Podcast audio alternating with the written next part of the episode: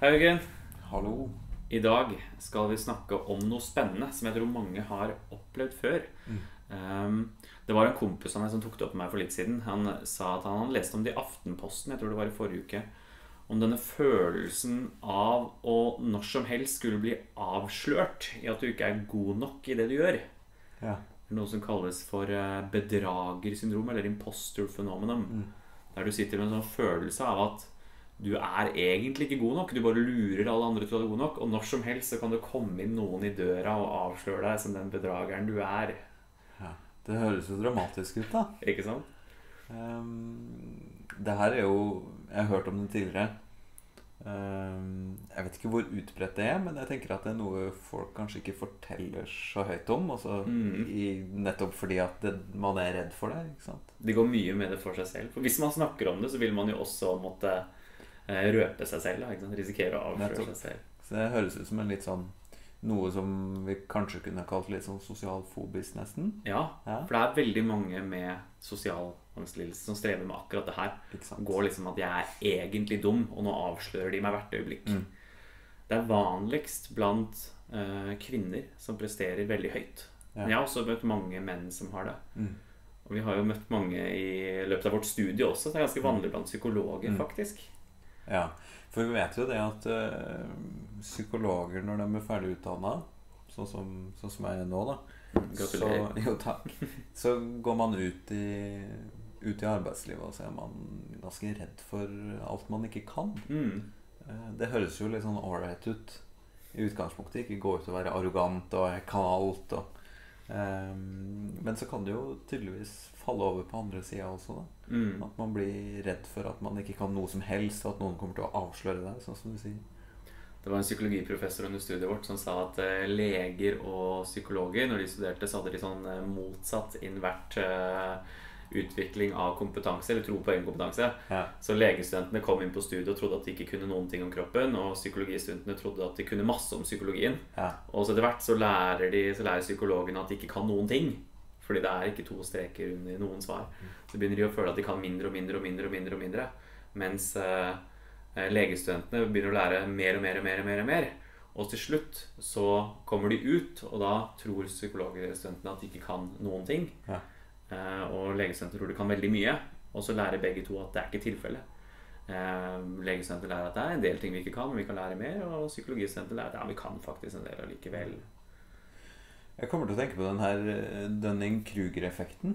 Mm. Eh, som sier det at eh, liksom evnen din til å vurdere hvor flink du er på noe, det har en sammenheng hvor flink du faktisk er. Mm. Så, så det er jo mange ting som virker inn samtidig her. Men, men da skulle man jo tro da at eh, jo flinkere man ble, jo, og sånn er det jo, jo mer liksom, ydmyk blir man overfor alt man ikke kan. Ja. Så det har også Det er en sånn mer normal bit, men, men det her med, med imposter syndrom her, sånn, da, det, Mm. det høres ut som Da faller det på en måte litt sånn over og blir et problem mer sånn. ja, for du er så bevisst over alt du ikke kan. Og så spesielt hvis du legger veldig høye standarder for deg selv og skal kunne veldig mye, så legger du veldig merke til alle andre som kan noe som du ikke kan. Ja. Og så blir det jo den, en sånn klassisk tankefelle, eh, altså, altså tankemønster der vi tar en liten feil, da, som spesielt veldig mange går i en depresjon. Det som kaller for diskvalifisering av det positive. Altså du legger ikke merke til eh, Eller du legger bare merke til det negative. Du har et slags mentalt filter gående du legger merke til de gangene du mislykkes eller ikke kan noe. Legger ikke merke til det positive. Og hvis du lykkes, så diskvalifiserer du det og sier at 'nei, det var flaks', f.eks.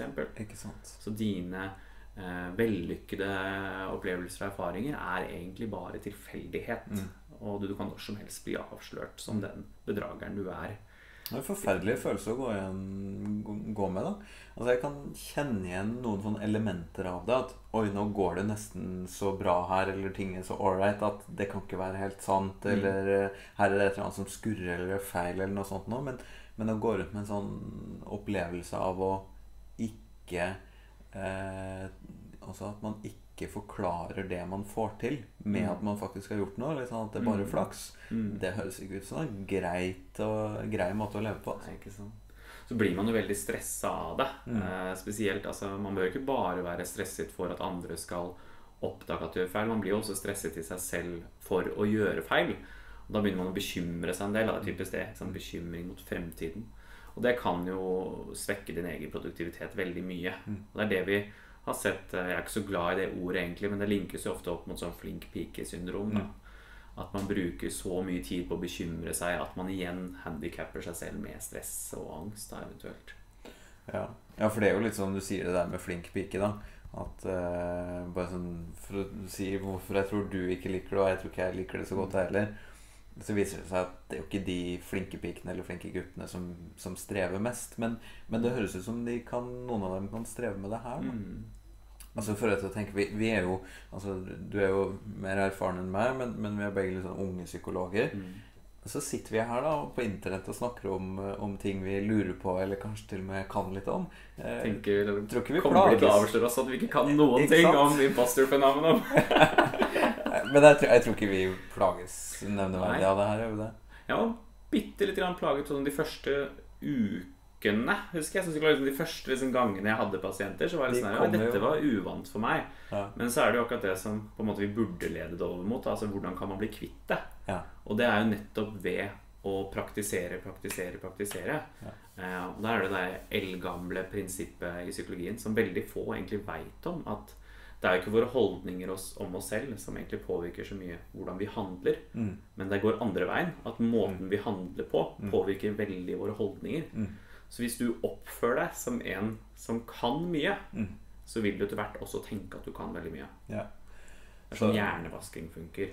Ikke sant? Så man kan gå rundt med en, med en tanke her sånn, og så innbille seg at man kan bli avslørt. Mm. Den kan man tro på, men Yes. ved å faktisk gjøre noe som, som krever kompetansen din, da, så vil du jo erfare at eh, jøss, jeg blir jo ikke avslørt. Mm.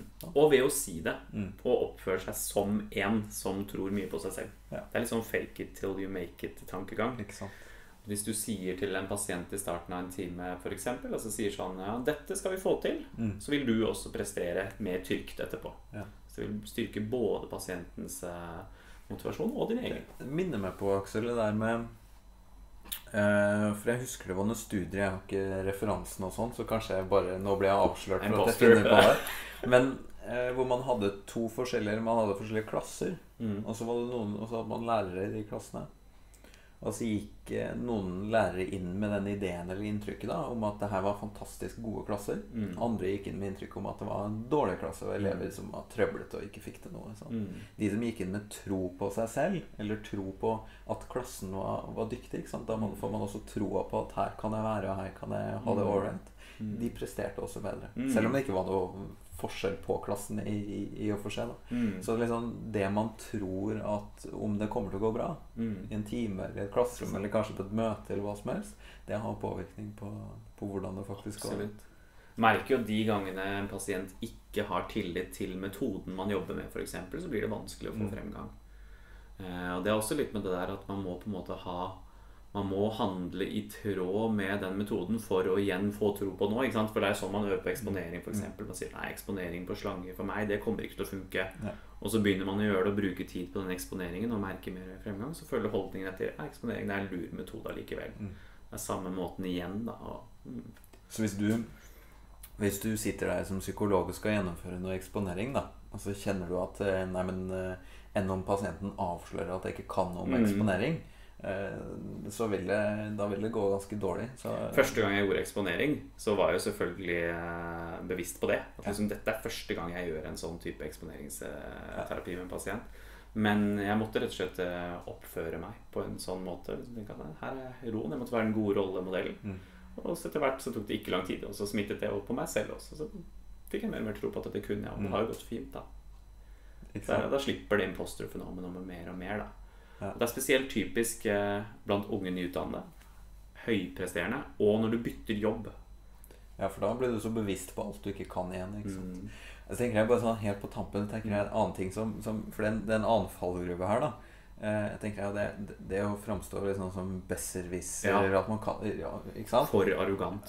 For arrogant. Og vi har alle vært til de Ja. eh, Og ikke for å starte noen profesjonskamp, da Ja. men vi har alle vært til de legene, ikke sant? de medisinske folka. Det er sikkert psykologer som er sånn også. Som, som, som har overdreven tro på noe. Mm. Så det er, sånn, det er en fin balansegang der. En fin balanse. ja. Passe ydmyk, men tro på egne ferdigheter og kompetanse. Og ikke handikappe seg selv med mistillit til seg sjøl. Mm. Så hvis du strever med imposter phenomenon, så får du eh, tenke at du må handle, handle, handle. Gjøre. Eh, teste ting. Jobbe. Eh, og faktisk fortsette å fortelle deg selv og belyse hvilke ting du er god på. Så vil etter hvert slippe litt. Mm. All right.